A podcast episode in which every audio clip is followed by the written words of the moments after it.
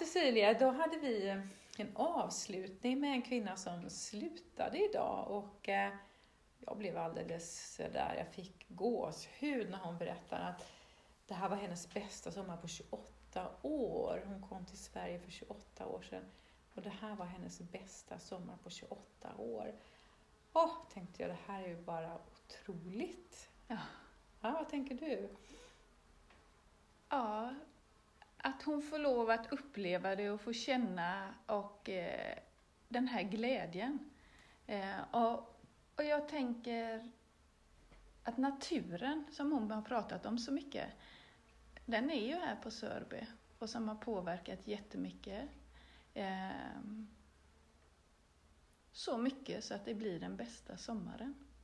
Ja, och hon berättar ju mycket också det här att när hon växte upp i sitt hemland så var det ju mycket natur och det var mycket trädgård och hon återkopplar till väldigt mycket positiva minnen av en väldigt kärleksfull uppväxt och en kärleksfull tid. Mm. Ehm, och så har hon lärt sig ett nytt ord och det är att tjuva. Ja. Och hon frågar mig, eh, heter det tomattjuvar? Eller tjuva tomater? Vad säger du? Nämen, jag har ju gått och sagt hela tiden tomattjuvar. Eh, och hon älskar att gå i bågväxthuset och ha fått tjuva eh, tomater. Ja, eller gå och plocka bär eller sitta och pilla med fläderbär som vi gör Mm. kapris på. Eller alltså sitta och vara aktiv med fingrarna och händerna och pilla. Det har varit så bra för henne, så fint för henne. Och så ser man hur det bara slinker in en liten fän, fänkålsblomma eller ett litet bär och att just få smaka också, använda Mm. det sinnet. Ja, då har hon njutit. Mm. Och idag, det var ju spännande Liselott, inne i bågväxthuset, det ser ut som rucola, men de har gula blommor tror jag. Och jag undrar om det är, om det är den som du har, rapsrucola, för den stoppade hon i munnen idag. Och det var lite hetta i den. Så då, oh, det var ingen vanlig rucola! Och den här nyfikenheten och busigheten. Ja. Rucolan har också gula blommor, men jag vet inte, det kanske är något annat. Mm. Ja, bredvid där du har sått lite ny sallad. Ja. Och det var stingeren. Ja. Så hon, Ja, ja. härligt. Jag satt och pratade med en annan deltagare idag som eh, inte ska sluta på ett tag, men som är liksom i det här skedet att börja fundera på vad kommer att hända när jag ska sluta här och hur vill jag göra med mitt jobb och sådär. Då satte vi upp två stolar. Mm. En stol som var, jag kämpar väl på några år till på jobbet även om jag vet att det kommer bli tufft. Och en stol var, nej jag vill inte. Mm. Och så bytte hon mellan stolarna så här va. Och så, så bad jag henne liksom ställa sig mellan stolarna och så, vilken stol vill du välja nu då? Och då valde hon ju, jag vill inte. Och så kom det ju upp tankar om, men kan jag verkligen, kan jag verkligen med och säga nej till mitt jobb? Vad kommer mina kollegor säga? Vad kommer chefen säga? Hur kommer vi kunna lösa det ekonomiskt? Och vad kommer jag göra istället? Och sådär. Vi pratade mycket om det här att går man bara tillbaka till de gamla vanliga eh, rutinerna, ta på sig arbetssedeln och börja dra igen, eh, så öppnar sig inga nya dörrar. Men om man stänger den dörren och öppnar en dörr där man inte vet vad som kommer att hända, så finns det ju möjligheter där som man inte hade en aning om och som inte går att upptäcka förrän man bestämmer sig för att öppna en ny dörr. Precis så är det. Ja, Och vad hände då? ja. När ni kom dit? Nej, men här, det här behöver hon ju fundera på. Ja. Hon behöver ju prata med sin man hemma och sådär klart om, om hur de kan klara sig ifall det skulle dröja ett tag innan hon får något nytt jobb, om hon nu bestämmer sig för det. Men hon går hem och, och nu får hon jobba lite och tänka och fundera och prata med honom. Hur blir det om vi gör så? Hur blir det om vi gör så?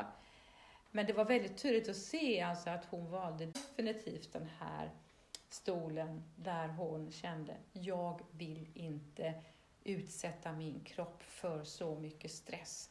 Jag vill inte utsätta min kropp för att ligga på en sån simultan kapacitet som det innebär.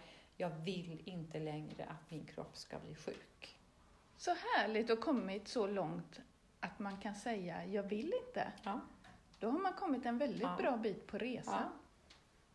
Och jag tror det var väldigt centralt att hon fick sitta i den stolen och verkligen känna nu går jag in fullt ut i, jag vill inte och vad leder det till och hur är det? Kontra, hur är det att fullt ut gå in i den här stolen, jag tar på mig arbetssedeln och, och så kör jag några år till. Det kommer bli jobbigt, jag kommer kanske bli sjuk igen, men jag gör väl det då. Mm. Och det är så bra att gå emellan ja. stolarna ja. och eh, sätta sig ner, ställa sig upp, gå. Då händer det saker inuti. Ja. Så hon utmanar ju nu sitt mod, sin ärlighet för sig själv, mm. att verkligen ta sig själv på allvar mm. och verkligen lyssna på vad vill jag? Mm. Och hon har inte så många år kvar i yrkeslivet så jag menar det, ja, det här blir spännande att se. Det blir det. Ja. Och jag tänker, nu hör jag att du säger att hon lyssnar. Och då går jag tillbaka till en annan deltagare idag som säger att sin tid här, att ni, ni bara inte hör, ni lyssnar. Mm. Och jag tänker, henne vi berättade om precis, hon lyssnar ju på mm. sig själv. Mm. Och, och, det är klokt. Mm. Och jag tänker på vad den andra sa, att, att ni bara inte hör, ni mm. lyssnar. Mm. Och vad som händer när man lyssnar, när värmen och kärleken mm. kommer, när mm. man lyssnar med mm. hjärtat. Eh, då blir jag också rörd. För det är inte alla gånger vi möts, hjärta mot hjärta. Nej. Men de mötena är så värdefulla. Ja, det var ju en sån gåva liksom att sitta där och höra henne säga det, liksom att ni lyssnar. Och, ja. och som vi sa också när vi satt med henne, att det är ju ett um, otroligt viktigt mänskligt behov att bli sedd och hörd. Mm. Och där har vi ju kanske med oss brister från när vi växte upp, att vi mm. blev inte sedda och hörda som vi hade egentligen önskat och behövt. Utan vi har fått lära oss att klara oss utan det. Och sen när det behovet liksom blir tillgodosett, det är möjligt att lyfta fram det, så blir ju det klart lite halleluja, liksom. wow, det var möjligt att få uppleva det här.